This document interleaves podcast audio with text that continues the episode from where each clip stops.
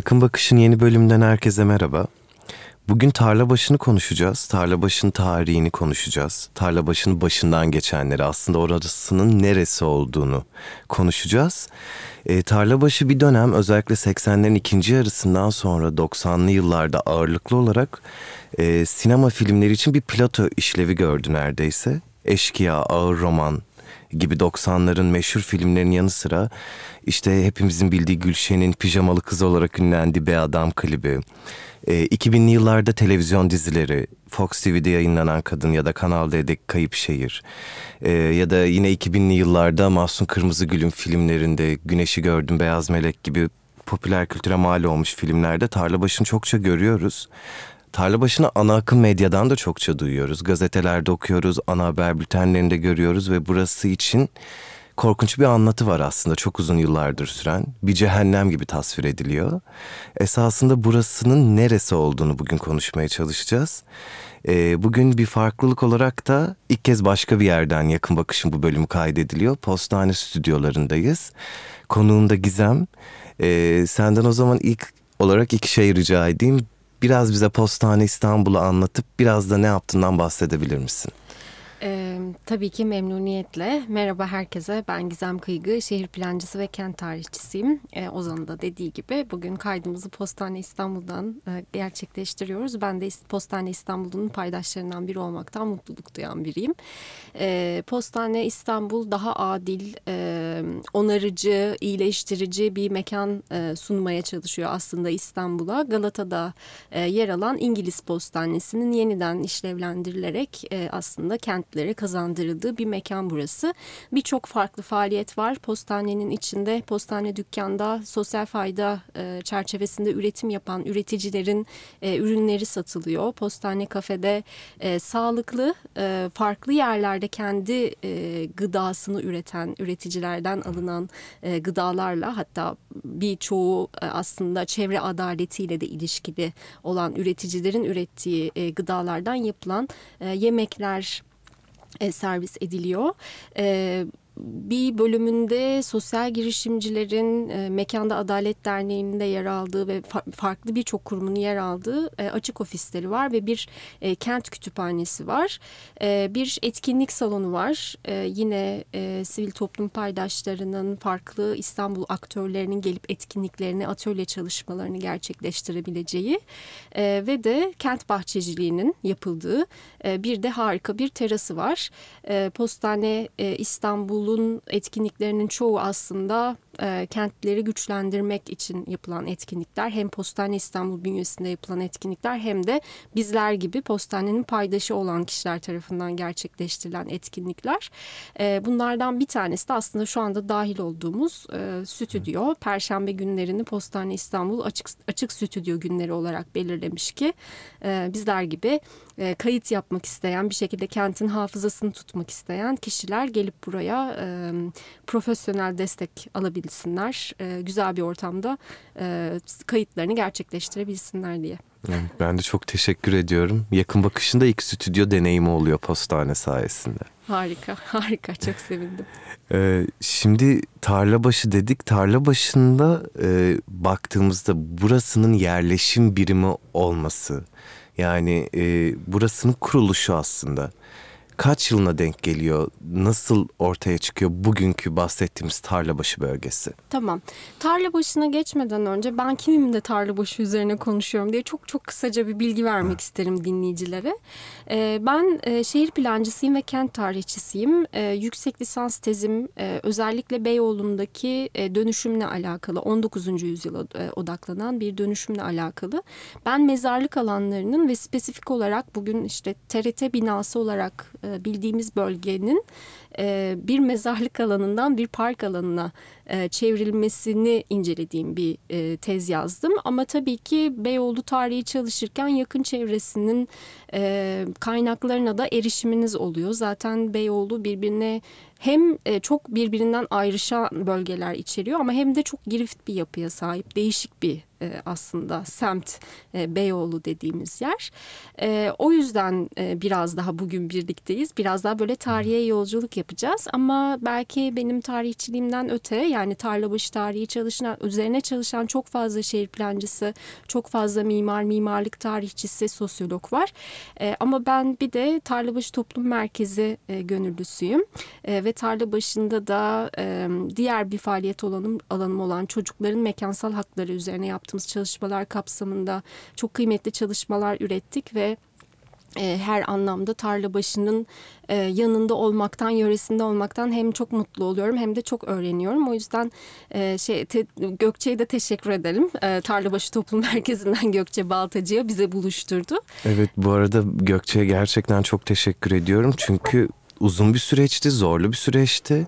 Ee, bir anlamda işte dava da vardı. Onların da başı çok kalabalıktı ama tüm bu yoğun gündemin içinde bana vakit ayırdı ve gerçekten buluşmamızı sağladı ve bu bölümün gerçekleşmesi için en çok emeği olan kişidir.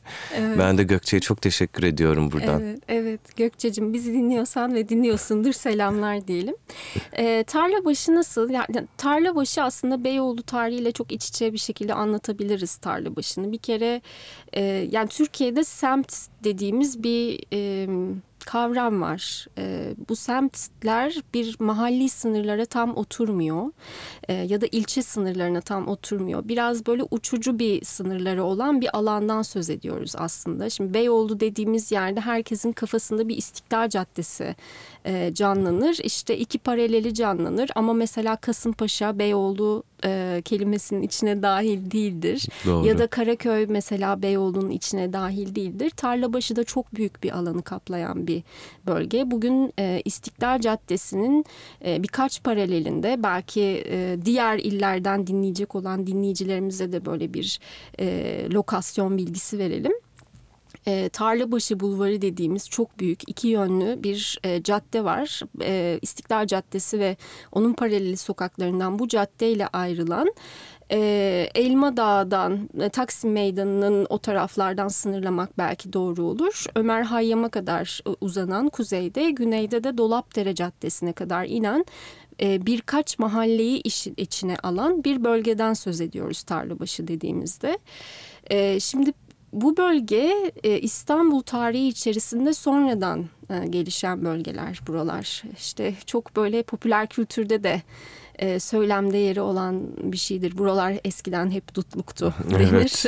e, Tarlabaşı da aslında e, önceki yüzyıllarda özellikle Matrakçı Nasuh'un haritalarından e, ve o dönemki seyyahların anlatılarından takip ettiğimiz kadarıyla üzüm bağları e, aslında üzümün ve şarabın e, yeri gibi bir e, anlatısı var. Yani bir coğrafyası var. E, Pera'nın ve Tarlabaşı'nın genel olarak.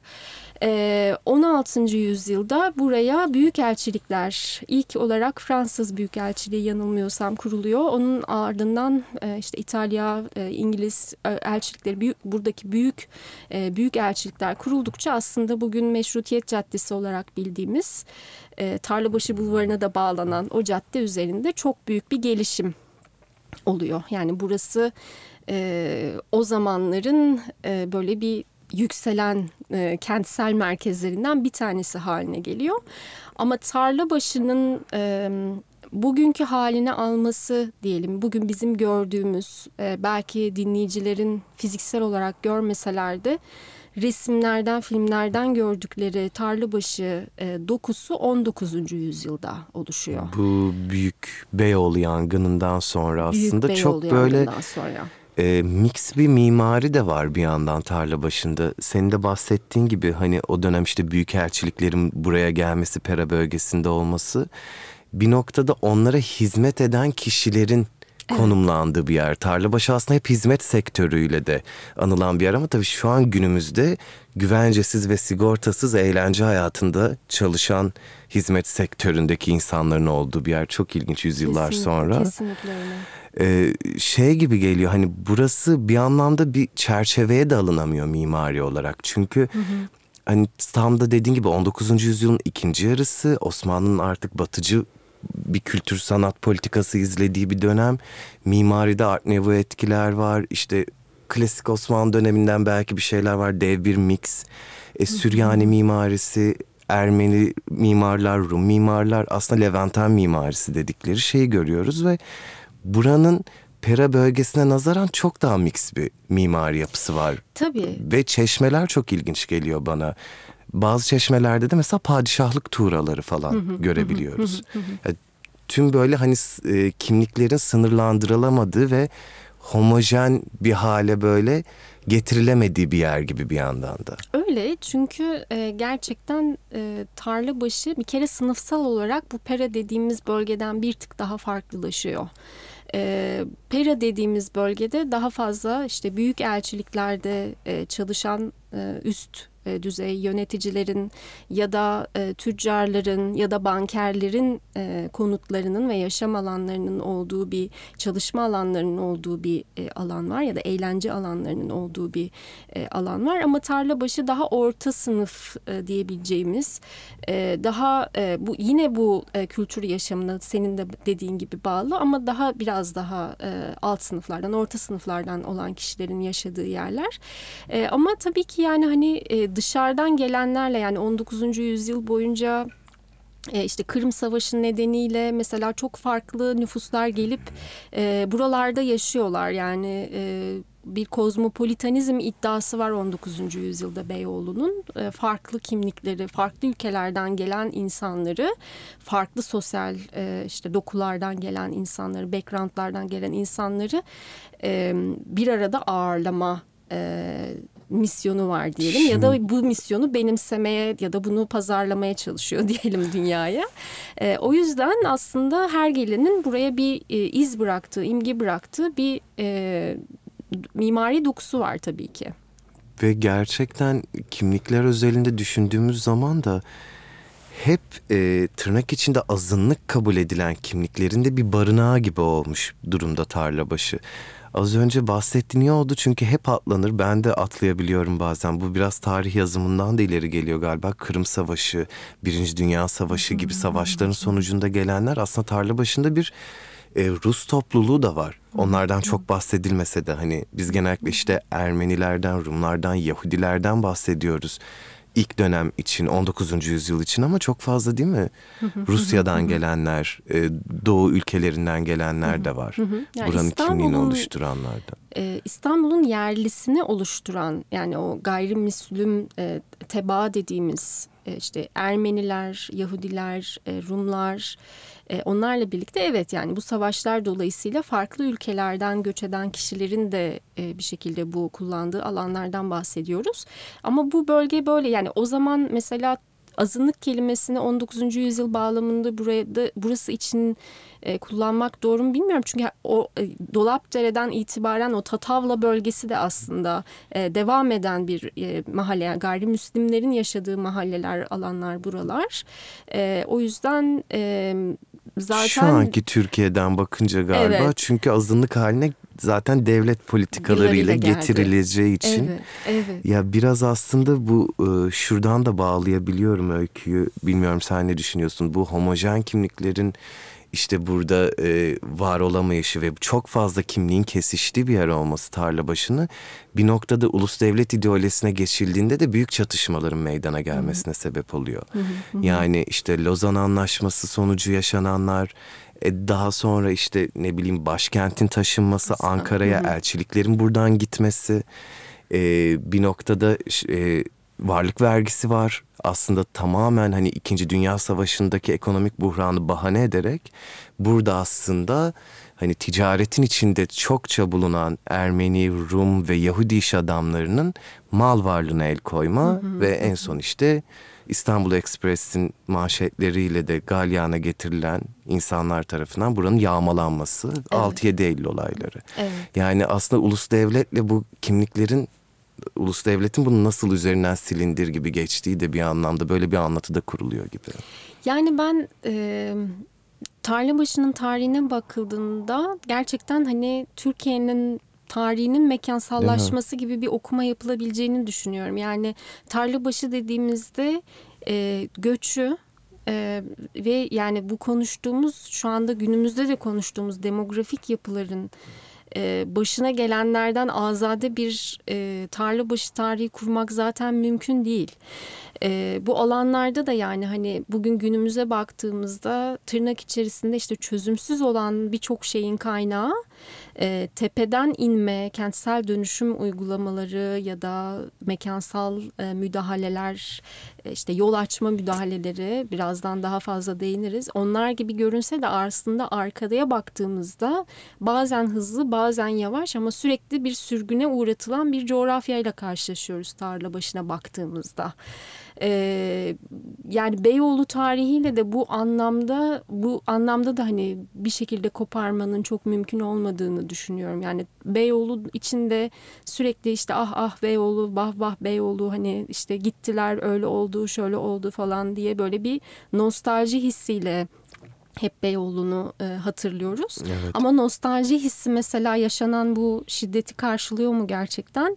E, bunu bir oturup düşünmek lazım. Yani başka bir e, anlatıyla e, işte burada da birlikte ne kadar güzel de yaşıyorduk canım dan o kadar güzel yaşanmıyormuş ki bir takım şiddet pratikleri varmış ki özellikle burada yaşayan nüfusa Türkiye'de gayrimüslimlere yönelik buradan insanlar gitmek zorunda hissetmişler kendilerini. Bazen senin de bahsettiğin varlık vergisi gibi doğrudan müdahalelerle bazen de işte Kıbrıs harekatı gibi uzakta olan bir müdahalenin bir savaşın aslında ki buradaki insanlar insanların e, kendi geleceklerini görememesi ya da kendilerini tedirgin e, hissetmesi dolayısıyla aslında bir e, sürekli bir gidiş, bir sürgün hali okuyoruz tarla başına baktığımızda. Aslında çok güzel bir noktaya parmak bastın. Benim de biraz yakın bakışı yapma itkilerimden biri nostalji duygusuyla savaşmak. Çünkü e, geçmişe dair e, şimdilerde işte eski ve yeni Türkiye diye yad ediyoruz ve ülkeyi belli bir yerden ikiye bölmüş durumdayız ya. Bu tabii ki senin dediğin gibi faydasız bir nostalji duygusu ve sanrısıyla geçmişin aslında tüm acıların üzerine bir perde çekmiş oluyoruz ve bugün yaşadığımız karanlık sanki tepeden inme bir karanlıkmış gibi bir okuma, yanlış bir okumaya götürüyor bizi. Aslında bu bir örüntü.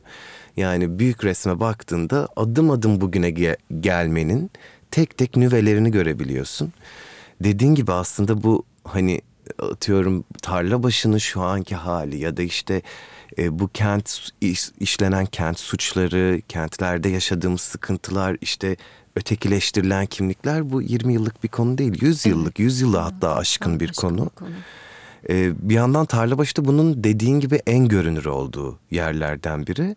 E, 6-7 Eylül zaten e, genç cumhuriyetin e, en büyük skandallarından, en büyük katliamlarından biri.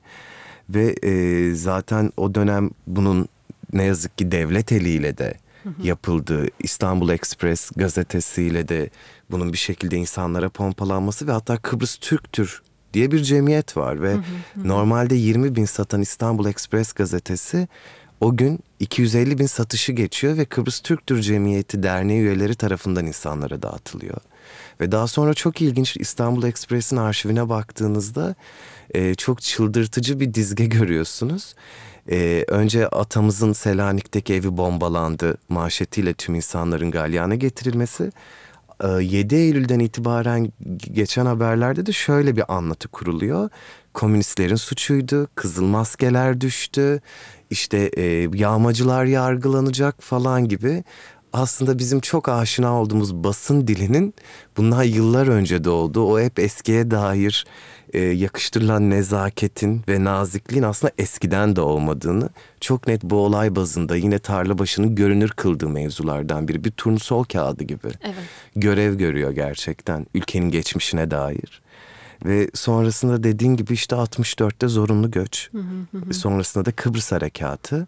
Ve 70'lerin ikinci yarısına geldiğimizde artık biz nasıl bir tarla başıyla karşılaşıyoruz? Yani aslında e, terk edilmiş bir tarla başıyla karşılaşıyoruz. E, ve e, Beyoğlu'nun da e, sürekli bir e, dalgalanan bir hareketi vardır. Beyoğlu bir çöker yani bir işte hiç kimsenin gitmek istemediği o güvensiz yer haline gelir. Ee, sonra sermaye tekrar Beyoğlu'nu keşfeder ve Beyoğlu yükselmeye başlar. bu çok doğru. 10 yılda bir oluyor değil mi bu? 10-15 yılda bir gerçekten öyle. Ben ikinci hata bekliyorum şimdi. İkinci atağın içinde olabiliriz bu e, Beyoğlu Kültür Yolu vesaire projeleri dolayısıyla. Ee, yükselir sonra tekrar bir çöküşe geçer. Sonra tekrar sermaye yeniden Beyoğlu'nu keşfeder ve geri gelir. Bu bir döngü. Ee, bu bir döngü yani işte 80 darbesi tabii ki Türkiye'nin ekonomisinde de politiğin politik e, arenasında da e, dolayısıyla mekansal müdahalelerinde çok değiştiği bambaşka bir bambaşka sayfa açıyoruz. Bir, e, sayfa 24 açıldığı, Ocak kararları. Evet, e, açıldığı bir zaman e, o giden zamanı hazırlayan bir e, e, durum var. E, ama tabii ki yani hani e, tarla başında bir de çok karmaşık mülkiyet durumu var bu dediğimiz e, bahsettiğimiz durumlar nedeniyle.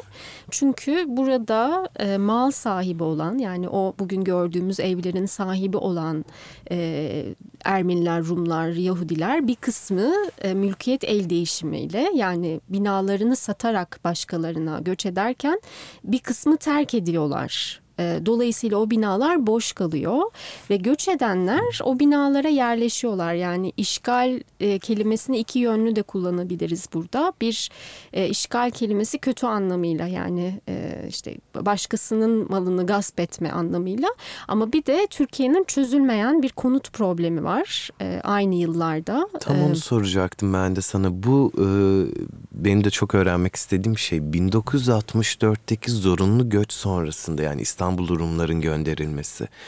E, onlar e, evlerini e, tapularıyla mı bırakıyorlardı bir sonraki gelenlere? Yani hani giden Rumların ardından kalan binalara geçenler mülk sahibi resmi olarak kayıtlı olarak direkt mülk sahibi olabiliyorlar mıydı? Yani o evler çok mu ucuza verildi? Orada nasıl bir alışveriş oldu onu çok Tam işte yani orası gerçekten çok karmaşık. Hani satışlardaki e, bir doktora tezi konusu olabilecek bir şey bu arada. E, satışlardaki yani bedel belirleme e, meselesi ayrı bir konu. Yani dediğim gibi bir kısmı gerçekten hani satılıp e, gidiliyor.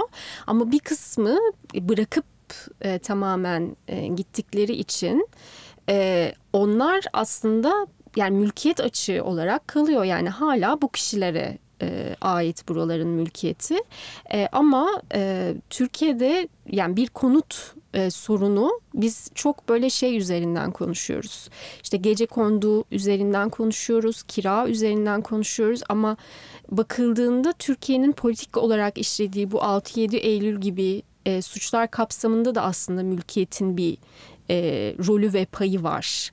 Yani bu bu kısımdan kaynaklanan mülkiyet terkleri ve sonrasında e, işte devletin tırnak içerisinde geçici konut sorunu olarak buraya yerleşen e, kişilere göz yumması dolayısıyla çoklu bir mülkiyet karmaşası oluyor. E, yani hani bu, bu bugün de işte mesela e, kentsel mücadelelerde e, bir takım hani çözümsüzlüklerin e, olması, mülkiyete dair çok karmaşık e, işlerin olması ya da işte dava süreçlerine baktığımızda çok uzun ve karmaşık dava süreçlerinin görülmesinin nedenlerinden bir tanesi bu. Yani insanların mallarını, mülklerini bırakıp gerçekten hani bir bavulla bu ülkeyi terk etmek zorunda kalmaları. Yani bu bu bu bu da var ve arkasından gelen adaletsizlikler de var. Yani tarla başında bu yüzden yani gece kondu kondulaşma da bir e, gece kondulaşma da Türk yani İstanbul'un özellikle kentleşmesine dair çok büyük bir mesele.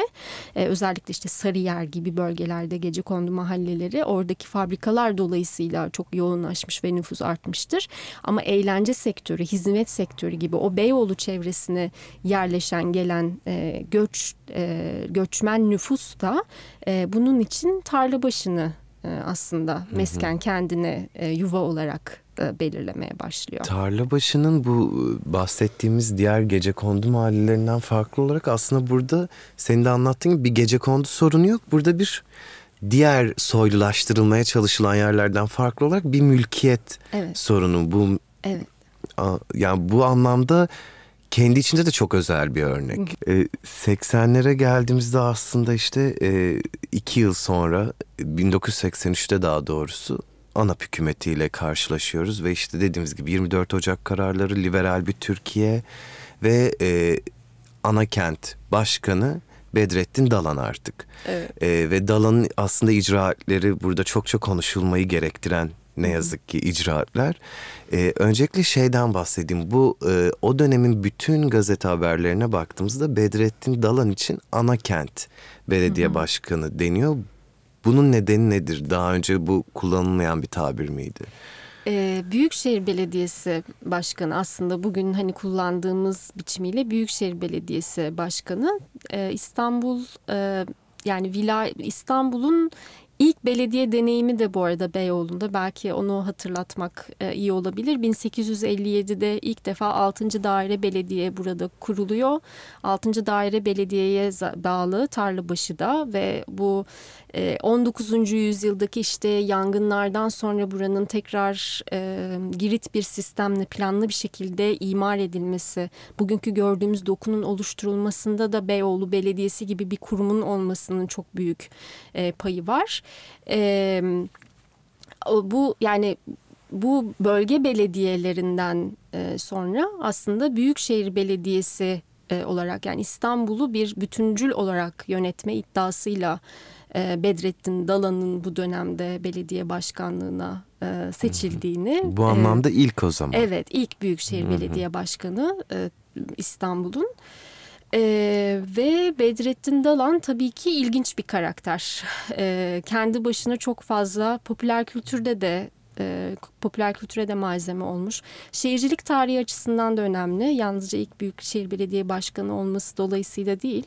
E, İstanbul'da bugün aslında içinde yaşadığımız pek çok e, alanın dönüştürülmesinde, oluşturulmasında e, kararı olan e, biri diyelim.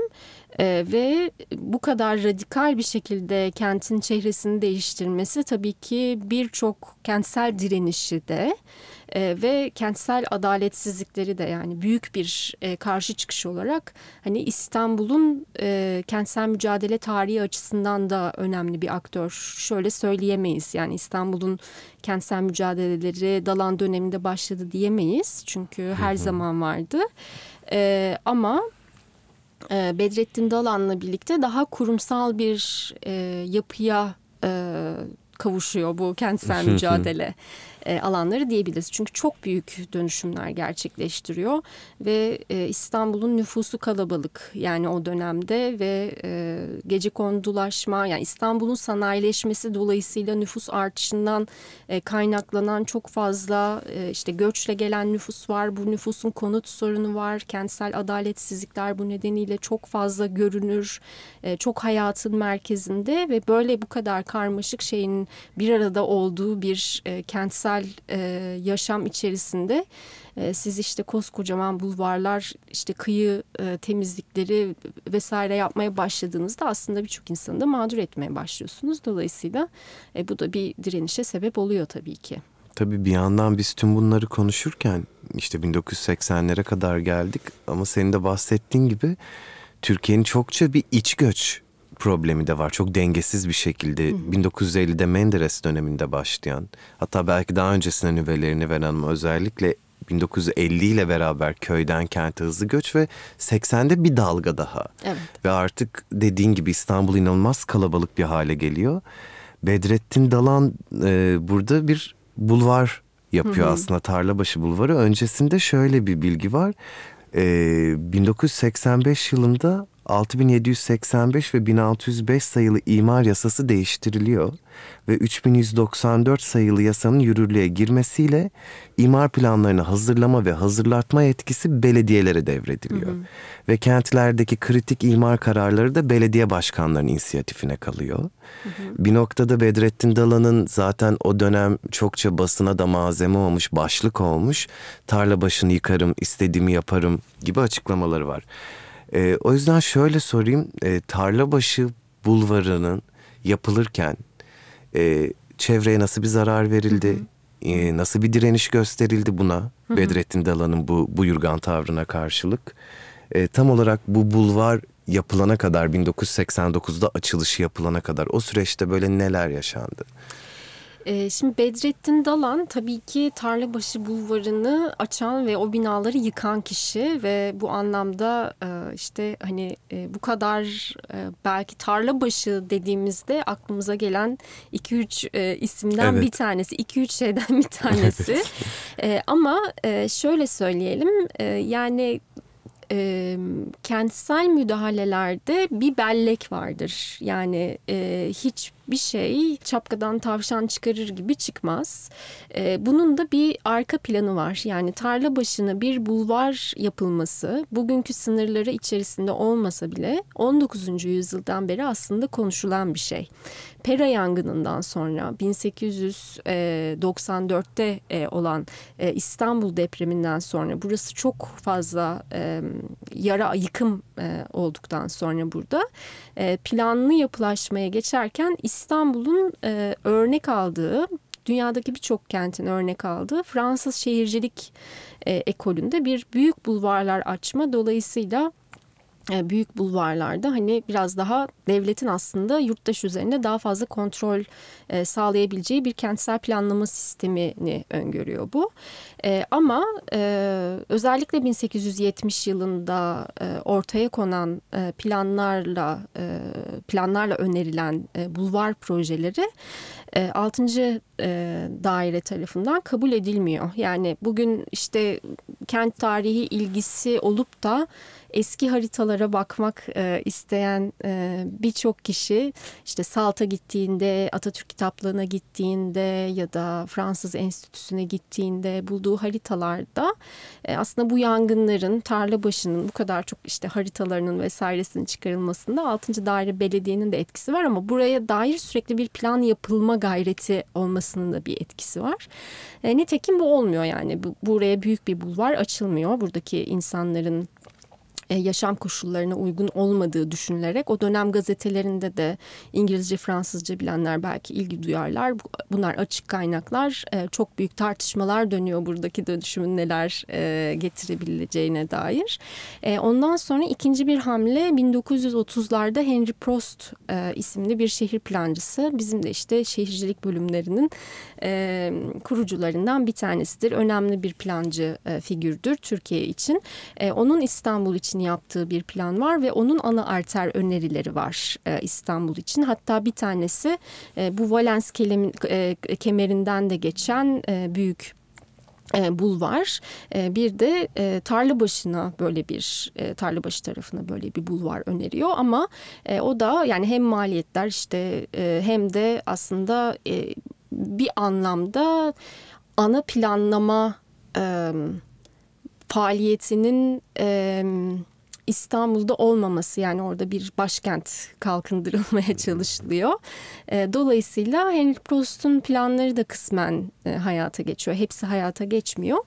E, Bedrettin Dalan da aslında Prost'un bıraktığı yerden Tarlabaşı Bulvarı'nın yapmanın e, İstanbul'un işte trafiği vesairesi için iyi olacağı e, görüşünde ve e, işte belediye ve belediye başkanlarının e, bu e, popülist e, söylemleriyle birlikte yani o, o bir e, mihenk taşı olabilir belki Bedrettin Dalan bu anlamda. Kendisi de çünkü hem verdiği demeçlerle e, işte hem e, bilimsel yani daha o bilim teknotra, teknokrat işte bilim insanı e, gibi davranan o e, Cumhuriyet kadro, kadrolarının e, ardından gelen çok daha işte e, daha lakayt daha lakayt e, konuşan ama e, sürekli manşet veren e, ve manşet vererek de bir, bir şekilde hani e, insanları ikna eden bir e, siyasi figür ve burada şeyi söylemek lazım yani ee, özellikle e, Bedrettin Dalan'ın söylemlerinde evet yani hani bir e, plan çizgisini devam ettiriyor ya da e, kendi başına hani kendisinin fikri olmayabilir buraya bir bulvar aç, açma fikri.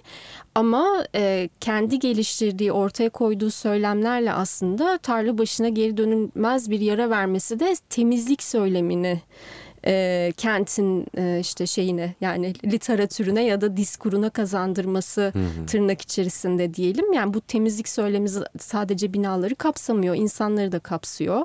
Hatta çok büyük oranda e, kapsıyor ve buradan sonra aslında e, binaların temizlenerek ya da işte e, fiziksel çevrenin temizlenerek tırnak içerisinde orada e, işte e, pis olarak adlendir, ad, adledilen, ötekileştirilen, e, kentin kıyısına itilen kesimlerinde e, temizlenileceğine dair bir e, kamuoyu ve algı oluşturmasında çok büyük bir e, payı var. Bence yıkımı e, bu tarafıyla da okumak değerli.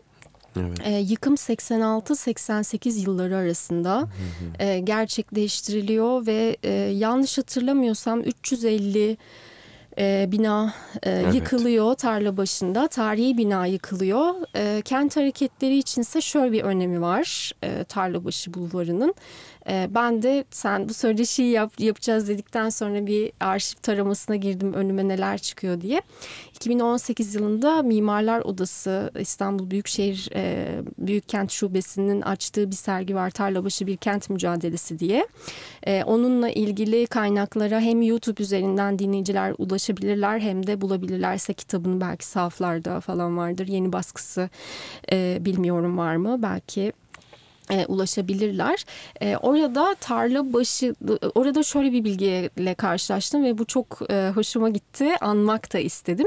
E, Mimarlar Odası'nın da hukuki düzlemde ilk dahil olduğu, e, ilk dava açtığı alan aslında. E, bu plan konuşulmaya başlandığında Mimarlar Odası da Kültür Bakanlığı'na yanlış hatırlamıyorsam bir dava e, açıyor. Bu planın hukuksuzluğuna e, yönelik e, ve böyle de bir önemi var. Yani bugün işte e, şeye baktığımızda da e, kent mücadelesinin içerisinde olan aktörlere, onların hafızasına baktığımızda da o tarlabaşı yıkımlarına direniş, uzmanların orada yaşayanlarla bir araya gelmesi, yani uzmanlarla... E, o tırnak içerisinde halkın e, buluşması ve birlikte mücadeleye başlaması anlamında da bir eşik Tarlabaşı Bulvarı'nın açılması. Bu anlamda da e, kent mücadelesi tarihinde böyle bir e, şey var, önemi var. Hatta o dönem e, yönetmenin ismini hatırlayamıyorum şimdi daha sonra Instagram'da bilgilerde paylaşırım. Tarlabaşı Tarlabaşı isimli bir kısa film de yapılıyor. Ya 1989 ya da 1990 yılı olması lazım. YouTube'dan ulaşılabilir bu arada izlenebilir. E, aslında küçük bir tarlabaşı tarihi anlatıp ve e, yıkıma dair bir takım çok etkileyici görüntülerin de yer aldığı, e, mahallelinin direnişine dair de bilgi veren, senin de dediğin bu süreçleri de anlatan, kapsayan, hatta Tarlabaşı'nın mimari yapısına da kısaca değinen 27-28 dakikalık bir Tarlabaşı Tarlabaşı isimli bir kısa film var 89 yapımı. Senin de dediğin gibi tarlabaşı bir kent mücadelesi bu arada müthiş bir çalışma gerçekten. Ben de fiziki olarak elde edemediğim için çok üzülüyorum. Baskısı yok şu an. Bunun içinde bir yandan senin de yine bahsini geçirdiğin bellek durumu e, yani şunu da hatırlamak gerekiyor. Zannediyorum bu yıkımlarda da yine her zaman kullanılan şey e, tarla başındaki insanları da temizlemek bahsettiğin üzere. E, orada yaşayan insanları kriminalize etmek ve onları e, bir şekilde zaten e, gitmeleri gerektiğini varsayarak bunun üzerinden yıkımı meşrulaştırmak. Evet. E, ve ne yazık ki aslında o dönem edebiyatçıları, aydınları hepimizin bildiği bazı isimler var. E, bu çalışma sayesinde de ortaya çıkıyor aslında o dönem yazdıkları şeyler. E, 22 Mart 1987'de Atilla İlhan Güneş gazetesinde mesela şundan bahsediyor. Buradaki yapıların tamamı Ermeni mimarlar tarafından yapılmıştır. Batı tarzında eserlerdir. Tanzimat meşrutiyet zamanı yapılarıdır. Dikkat edilirse Ermeni ve Fransız mimarların isimleri okunur ve tamamı taklittir, yıkılması kayıp değildir diyor. Ve biraz daha ileri gidip bu da böyle çok böyle devletin dilinden aşina olduğumuz ta- tabirler e, Yahudi ailelerin barındığı ve özellikle fuş yuvası olarak kullanılan bu yerlerin korunması gereksizdir diyor.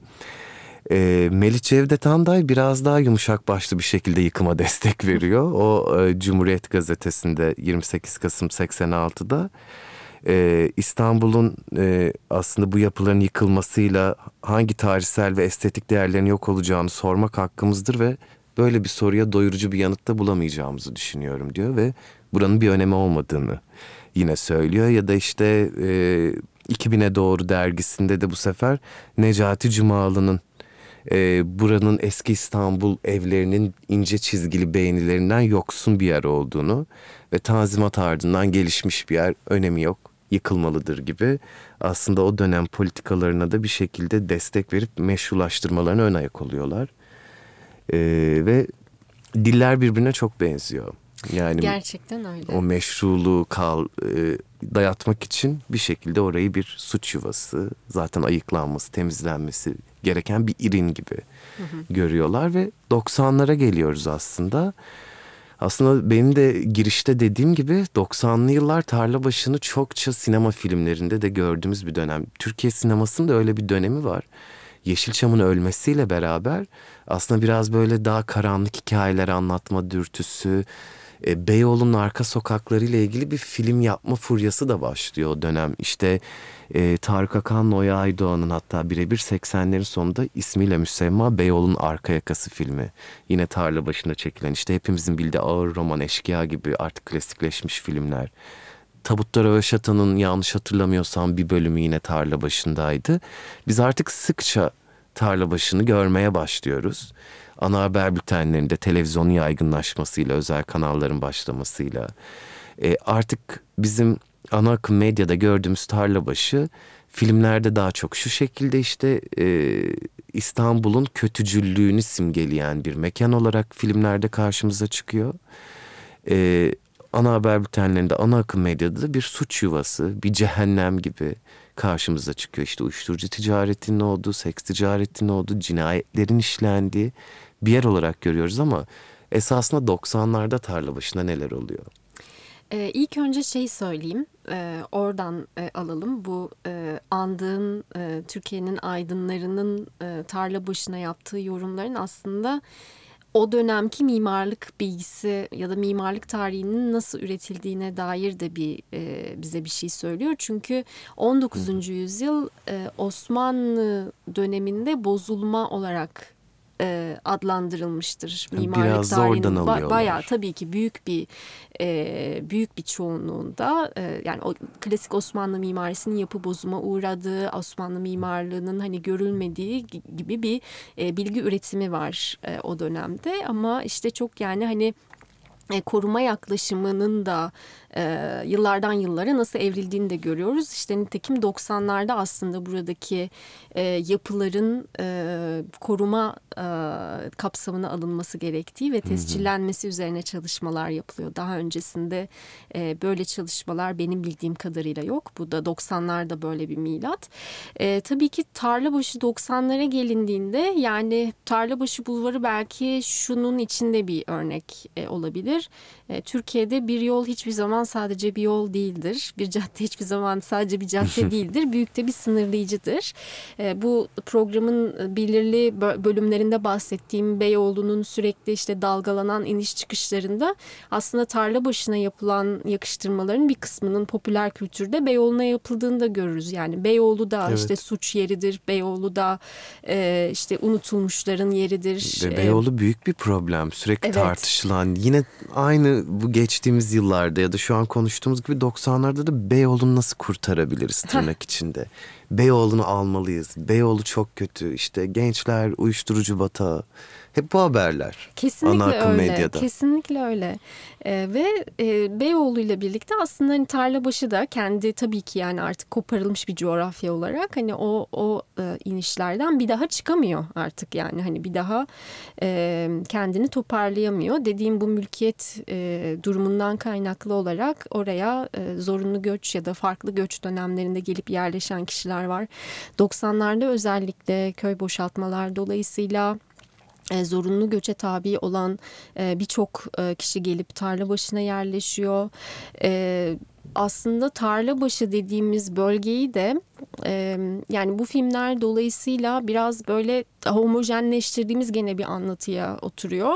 Hı hı. E, tek bir kesimin mahallesi değil Tarlabaşı. Çok farklı yani sokaktan sokağa demografisi değişen büyük bir tarih alandan. Tarih boyunca hep böyle. Evet tarih boyunca hep böyle olan bir alandan bahsediyoruz. E, 90'larda tabii ki yani bu filmlerde anlatılan çerçeve hiç mi doğru değil? Yani Tarlabaşı e, bunu da nostaljize etmeyi doğru bulmuyorum açıkçası. Ee, yani sosyoekonomik zorluklar var ee, ve bu sosyoekonomik zorluklar dolayısıyla hayatta kalmaya çalışan e, insanlar var. Evet suç yapılanmaları var, e, çeşitli başka suç yapılanmaları var.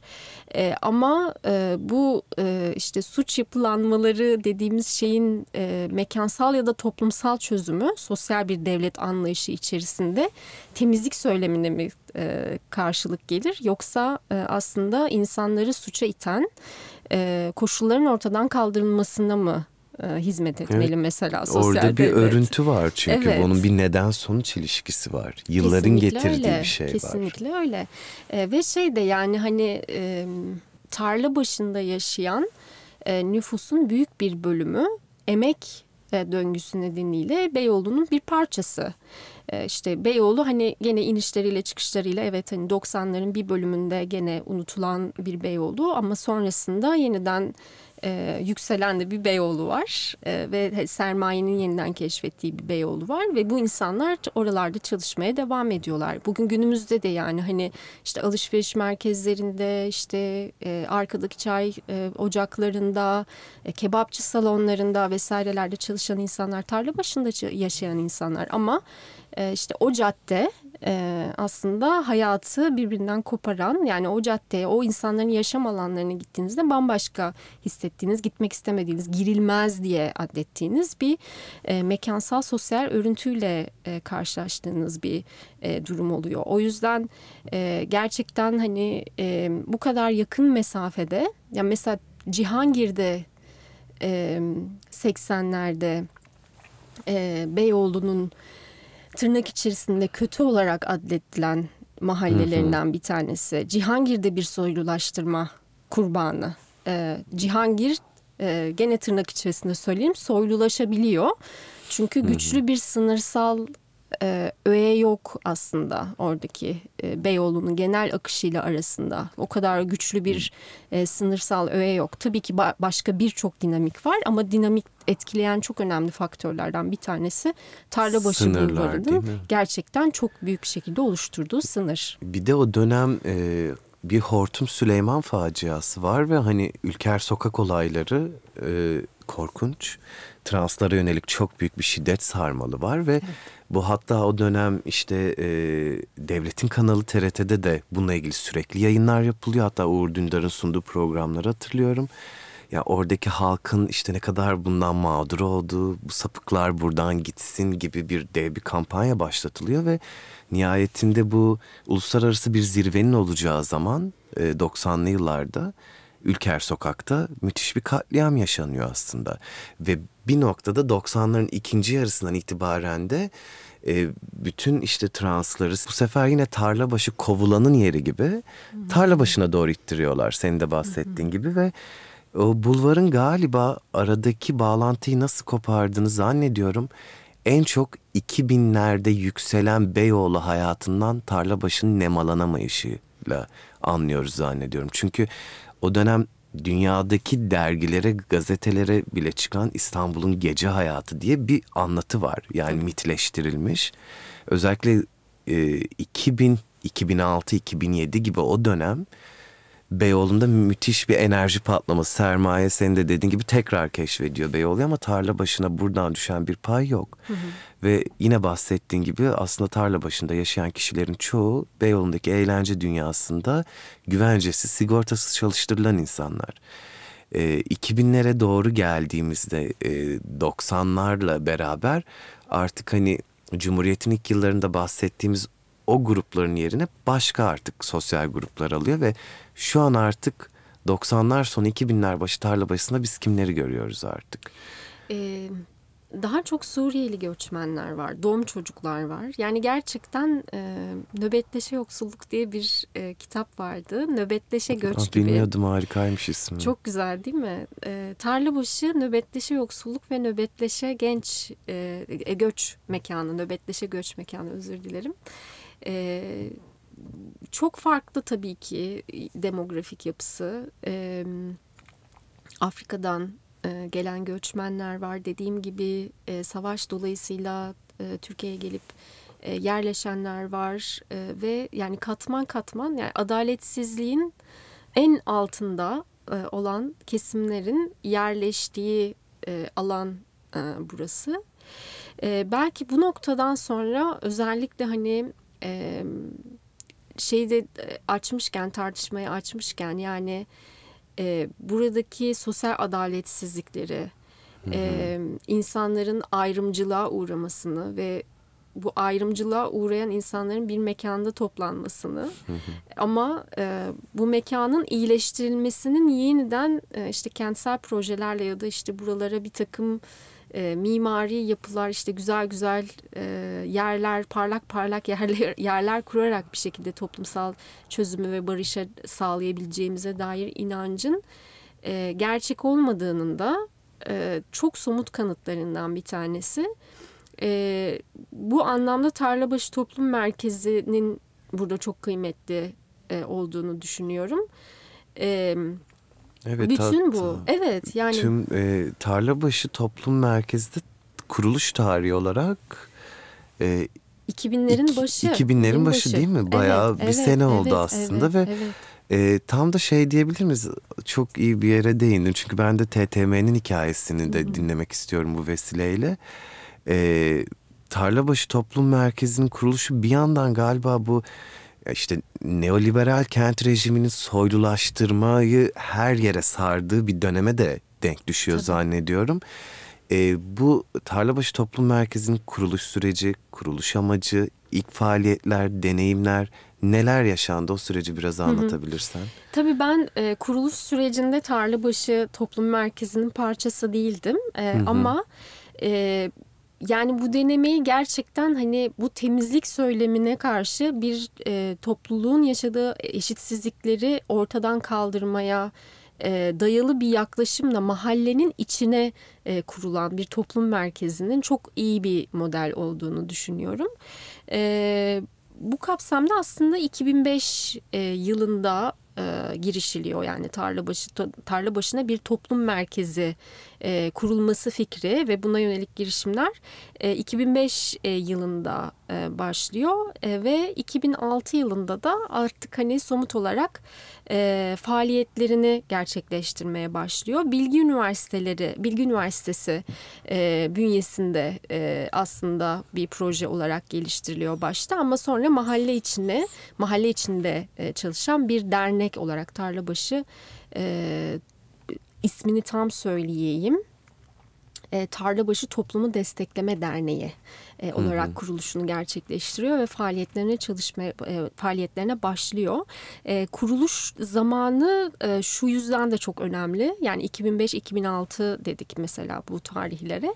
Tam bu tarihlerde senin de bahsettiğin gibi sermayenin yeniden e, işte kenti farklı e, biçimde keşfettiği ve işte pıtrak gibi dönüşüm projelerinin türediği bir dönem aslında bu Beyoğlu yıllarda. mi? Kaçıncı kez Evet, keşfediliyor yani, evet, yani hiç bu, bu, bu sefer bütün İstanbul'un merkezdeki e, bir e, bir ölçüde aslında sosyal eşitsizliklerle mücadele eden ama e, mimari olarak e, bu sefer değerli olarak atfedilen e, merkezlerine yöneliyor. Yani sermaye artık hani merkeze yöneldiği, sermayenin kent merkezine, tarihi kent merkezlerine yöneldiği bir dönem. E, ve bu, bu zamanda e, 2006 yılında Tarlabaşı e, Bakanlar Kurulu kararıyla yenileme alanı e, ilan ediliyor. E, 2007 yılında e, Dokuzada'da kentsel dönüşüm e, kararı alınıyor. 2008 yılında boşaltmalar başlıyor, yapılar boşaltmaya başlıyor. 2010'da da e, yıkım ve zorla tahliyeler dönemi. Tam aslında Tarlabaşı Toplum Merkezi'nin kuruluşu o kadar e, kritik Anlamlı bir bir zamandı, o dönem. kadar anlamlı bir dönem ki yani tam dediğimiz 2010'da bu. dedin değil mi boşaltmalar? Evet, 2010'da. Ne tesadüftür Avrupa Kültür Başkenti, Başkenti. olduğu yıl İstanbul. Evet, evet. Zaten o- Çapaklardan temizleyecekler. Evet, evet, evet. Tam zaten hani o tartışmaların da hani çok e, ateşli olduğu bir dönemde. Yani hem e, tarla başına ama öncelikle kadınlara ve çocuklara e, psikososyal destek veren, e, çeşitli faaliyetlerle çocukların eğitimine katkı sunan kadınları e, sağlık konusunda bilgilendiren e, bir toplum merkezi olarak çalışmalarına başlıyor Tarlabaşı Toplum Merkezi ve e, işte herkesin hani bu e, çok büyük oranda bu 2005'te 2006'da başlayan kentsel dönüşüm sürecinde şunu söylemek lazım yani İstanbul'un kent hareketleri de çok güçlü. Ee, yani artık işte e, gece kondu mahallelerine ya da işte daha önceki dönemlerde tarlabaşı gibi alanlara yönelen temizlik söylemini e, kabul etmeyen bir uzmanlık ordusu var. E, uzmanlar e, topluluğu var. Odalar çok e, aktifler. E, kent hareketleri daha da örgütlü yani dernekler var e, ve platformlar var. Bir araya gelen farklı mahalleler var. Yani kentsel dönüşüme karşı çok e, işte çok e, cafcaflı olduğu yıllar diyelim yani kentsel dönüşümün. Ve tarlabaşı sakinleri deneyimli evet, oldukça değil mi? Hatta bu şey dönemi için diyebiliriz sanırım. Dalan döneminde de çok sık örgütleniyorlar. Evet, evet, evet. Yani o deneyimin artık gerçekten hani somut bir şekilde kendi kurumsallıklarını da oluşturduğu bir dönem olduğu için çok büyük oranda mücadele edile, edilebiliyor. Ee, yani şu anda Tarlabaşı'nın dönüştürülen o Tarlabaşı 360 projesiyle dönüştürülen kısmı görece e, küçük bir kısım aslında. Yani hmm. mahallenin e, geri kalanında e, çok büyük oranda e, hayat e, devam ediyor. Hani bu dediğimiz döngüde ve Tarlabaşı Toplum Merkezi de yani şu anda işte 2005'te hani fikri şey oluşturulmuş. 2006 e, yani 13 13 yıl daha fazla. Daha fazla hatta evet. Daha fazla e, burada faaliyetlerine devam eden ve e, yani şunu da söyleyeyim hani Türkiye'de çocuk hakları e, alanında somut çalışmalar yapan ve Türkiye'ye mahalle bazında çocuk haklarının nasıl uygulanacağını e, çocuk hakları sözleşmesinin nasıl hayata geçirileceğini aktaran çok önemli bir yer. Çünkü senin de bahsettiğin gibi e, Tarlabaşı işte Türkiye'nin geri kalan insanların kafasında suçla ö, ö, e, özdeşleştirilmiş, kaçınılması gereken, girilemeyen ve kötü insanların kötü yaşadığı insanların yer. yaşadığı bir mahalle ama bu mahallede büyüyen çocuklar var. yani gerçekten hani bir sürü çocuk nüfusu çok kalabalık bir çocuk nüfusu var tarla başının ve onların oyun alanı, öğrenme ya yaşayıp büyüdükleri, geliştikleri yer. Ee, dediğim gibi burada ben şeyi romantize etmeyi hiç doğru bulmuyorum. Tarla başının içinde bulunduğu e, sosyal adaletsizlikleri e, romantize et, edil, edilecek hiçbir yanının olduğunu düşünmüyorum. Özellikle bu hmm. çocuklar gözünden bakıldığında yani bu bir şiddet örüntüsüdür. E, ama e, eğer kendimize de sosyal devlet diyorsak ee, özellikle işte 21. yüzyılda gerçi 21. yüzyılda demokrasiden bahsedebilecek durumda da değiliz pek dünyaca ama e, yani bunu insanlara değil aslında e, donanımlara e, erişememeye yani ekonomik adaletsizliklere çözmeye yönelik bir bakış açısıyla e, geliştirmek gereken bir yerdeyken aslında işte yani gene hani temizlik söyleminin arkasına sığınıyoruz. Dönüp dolaşıp hep aynı cümleler. Evet. Ve tüm bunlara ek olarak aslında bu faaliyetleri gösteren Tarlabaşı Toplum Merkezi bu sıralar bir de hakkında açılan kapatılma davalarıyla uğraşıyor. Evet. Biraz da o mahkeme sürecini sormak istiyorum. Ee, niçin böyle bir dava açıldı? Bahane, gerekçe ne ve e, süreç ne durumda?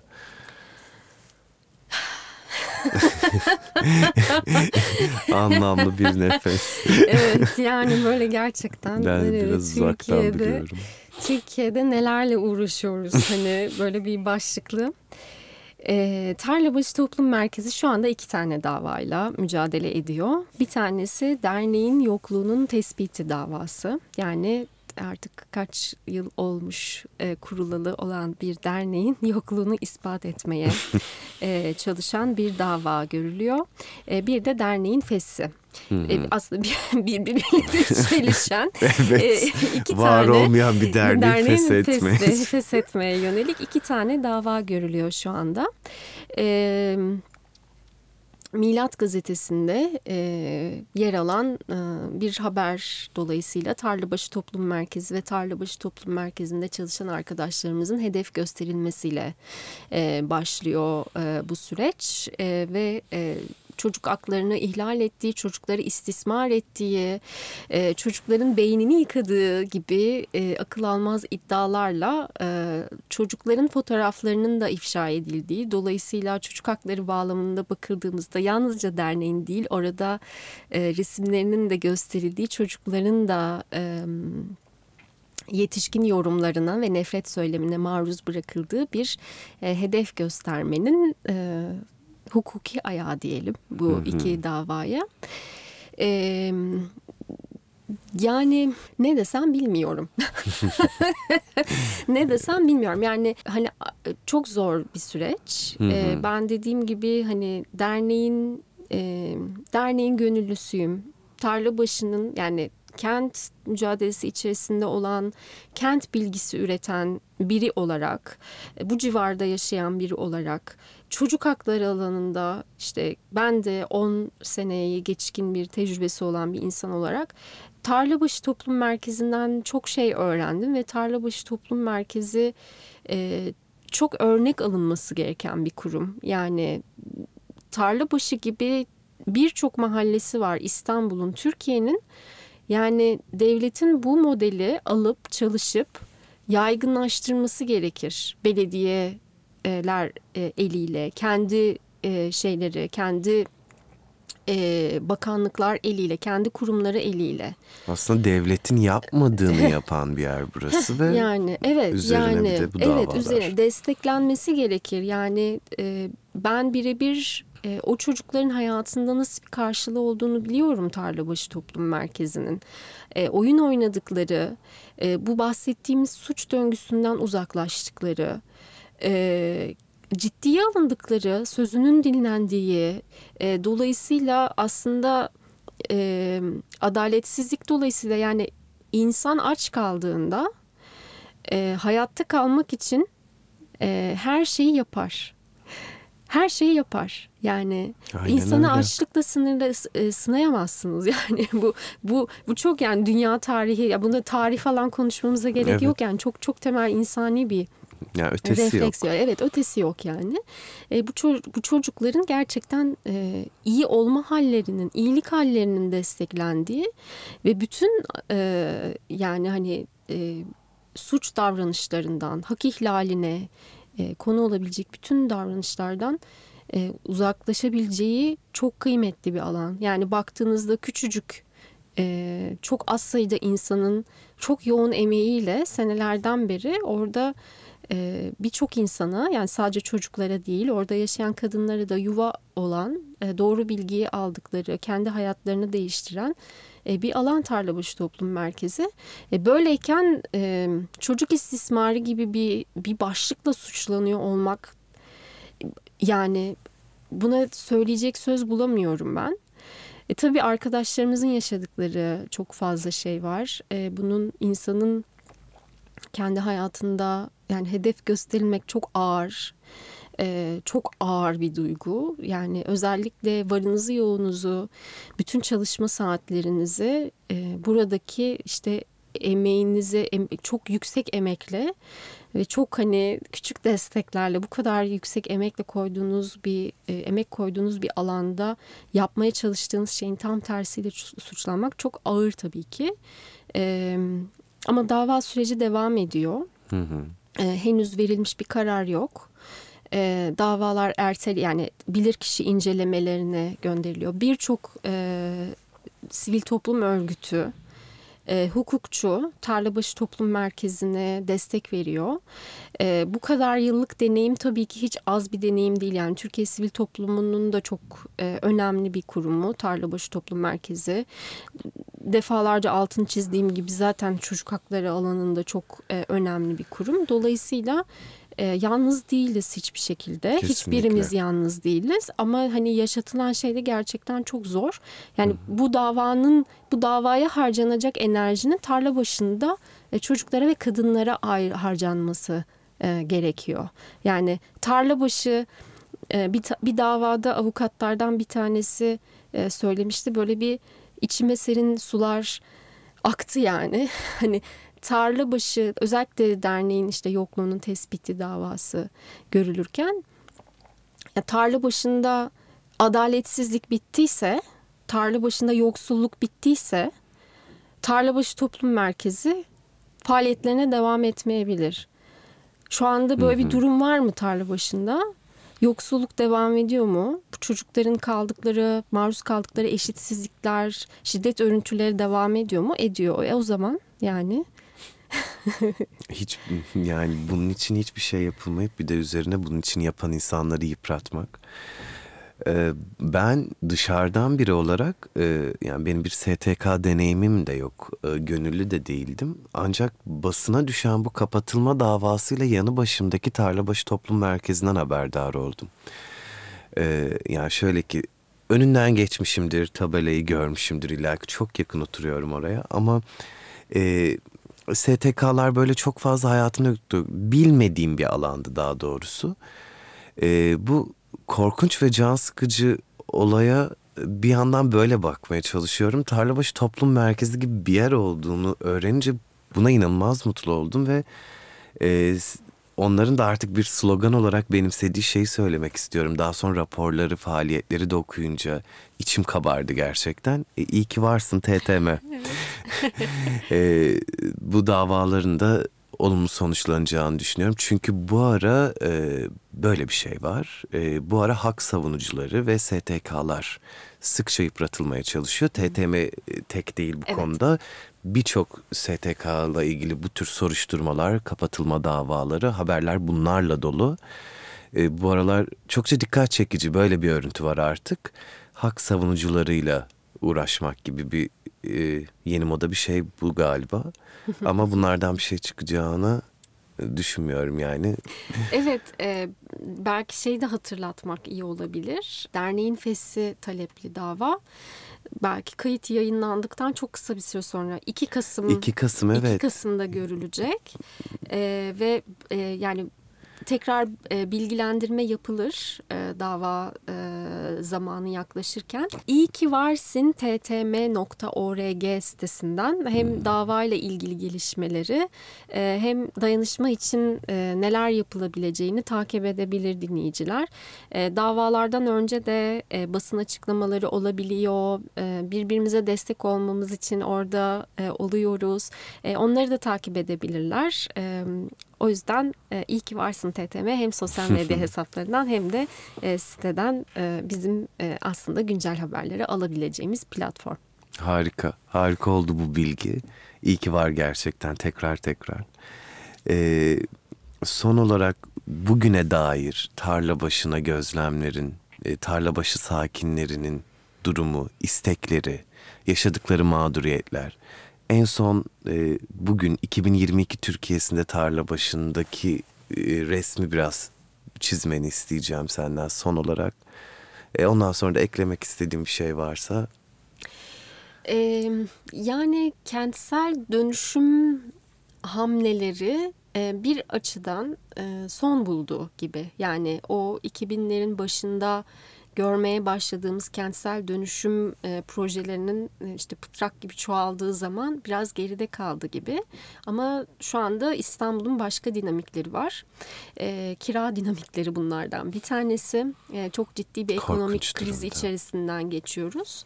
E, bir kere pandemide e, güvencesiz e, çalışan e, işçiler, e, işte günlük çalışan, saat başı çalışan işçilerin e, çok fazla etkilendiği bir dönem pandemi ve tarla başı da aslında e, güvencesiz çalışanların e, mahallesi, semti olduğunu düşünürsek aslında semtin ne kadar e, zor bir e, denklem içerisinde kaldığını biraz daha anlamış olabiliriz. E, yukarıdan aşağıdan biraz sıkışıyor şu anda Tarlabaşı. Biraz ondan da bahsetmek lazım belki. Ee, yani kiralar çok yüksek olduğu için, hı hı. kiralarda çok büyük artışlar olduğu için e, tabii ki şimdi bir nüfus hareketliliği gene söz konusu kentin farklı yerlerine e, ve yani Beyoğlu'na daha Beyoğlu daha yakın olarak diyerek kendi e, şeyimi de argümanımı da çürütmüş oldum böylelikle.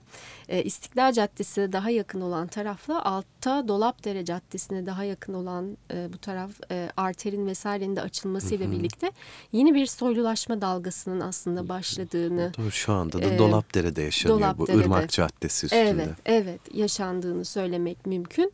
E, dolayısıyla aslında o demografik yapının yine değişeceği, farklı bir yerden e, soylulaşmanın e, yeniden e, kendini tarla başında göstereceğini e, görmek e, hiç de zor değil. Ama sorumuz e, yani buna yetişemeyen, imkanı olmayan, zorla yeniden edilmeye dair sürekli kaygı taşıyan e, kentli nüfusun hani e, yine nereye gideceğine dair bir e, soru işareti ve e, aslında nasıl yaşayacağına dair de bir e, soru işareti. Tabii ki tarla başında şu anda da günümüzde de yakıcı bir şekilde devam ediyor. E, ama bir yandan işte bu kapatılma davaları giderek artan baskı ve şiddet ortamı giderek büyüyen bir korku imparatorluğunun da gölgesi olduğu için tepemizde her şey çok daha zor bugünlerde. Yani e, akıllı davranmadıklarını düşünüyorum. Yani hani şeytanın şeyine geçeyim, tarafına geçeyim. E, akıllı davranmadıklarını düşünüyorum. Çünkü e, bu gibi mahallelerde bir mahalle ekonomisi olur. Yani o insanın dışarı çıktığında, o mahallenin dışına çıktığında hayatta kalamayacağı fiyatlarla ya da bir şekilde o dayanışma ekonomisine eklemlenerek e, kendi hayatını sürdürebileceği bir ekonomik döngü olur. Yani gider işte bebeğine e, 1 liraya süt alır. Başka yerde 15 liradır ama onun mahallesinde o 1 liraya alır. Başka bir şekilde e, işte başka zaman parası olduğunda mesela e, üstünü getirir. E, kendi komşularından borç alır ya da toplanır, birlikte yemek yer, e, memleketinden getirdiği azığını paylaşır. Başka bir ekonomi vardır orada. Şimdi o ekonomiden de bu kadar zor dönemlerde o insanları koparttığınızda yeniden açlık sınırında dönüp dolaşıp gene devletin yönetemeyeceği ya da yönetmekte çok zorlanacağı durumların içine itilebilir insanlar. Bu yönüyle bakıldığında da aslında akıllıca bir şey değildir o mahalle ekonomisini ve oradaki dayanışma ekonomisini dağıtmak. E, sürekli yönetecek bir kriz. Yani öteki üzerinden eğer bir öteki yaratıp kendinizi kurup bir meşrutiyet sağlama e, meşru, meşruiyet sağlama e, gayesindeyseniz eğer bu işe yarabilir e, politik arenada. Ama bir sorun çözme fonksiyonuyla bir işte e, adalet e, yaratma dolayısıyla kendinize de daha az sorun oluşturma E, durumuna dair bir amacınız varsa daha kolay tırnak içerisinde yönetmek, iş çözmek, işinizi yapmak istiyorsanız da aslında bu alanlarda var olan potansiyelleri e, geliştirecek bir e, bakış açısına sahip olmanız gerek. Ama önce evet, akıllı hareket etmeye Evet. bir niyetlenmek gerekiyor. Gerekiyor. Gel, evet. Ee, çok teşekkür ederim geldiğin için. Ben teşekkür ederim. ben de bir yandan bu geldiğim için lafını da yadırgıyorum şu an burada. ben daha böyle bir misafir konumda gibiyim. Ee, yani çok uzun zamandır kaydetmek istiyordum bu bölümü. Böyle e, Gökçe ile gerçekten uzun uzun mesajlaşmalar, iletişime geçti benimle sağ olsun o yoğunluğun içinde. Bu yüzden e, bir kez daha program bitiminde de Gökçe'ye çok teşekkür ediyorum. Gerçekten çok emek verdi bir araya gelelim diye. Ben bu bölümü yapayım diye. Ciddi emeği var. Ben de çok istemiştim bunu yapmayı. Geç oldu ama güzel oldu. E, çok keyifliydi benim için. Çok teşekkür ederim verdiğin bilgiler için. E, benim için de çok aydınlatıcı oldu ve e, tarla başını e, yakınında yaşıyorum ama içinde değilim tam. E, onunla ilgili bir şeyler okuyorum ama birebir sahadan birinin bu kadar bilen birinin bir şehir bölge planlamacısından dinlemek inanılmaz güzel bir deneyimdi. Çok teşekkürler. Benim için de anlatmak çok keyifliydi. Umarım e, dinleyenler de keyif alırlar. Eminim alacaklardır. Görüşmek üzere.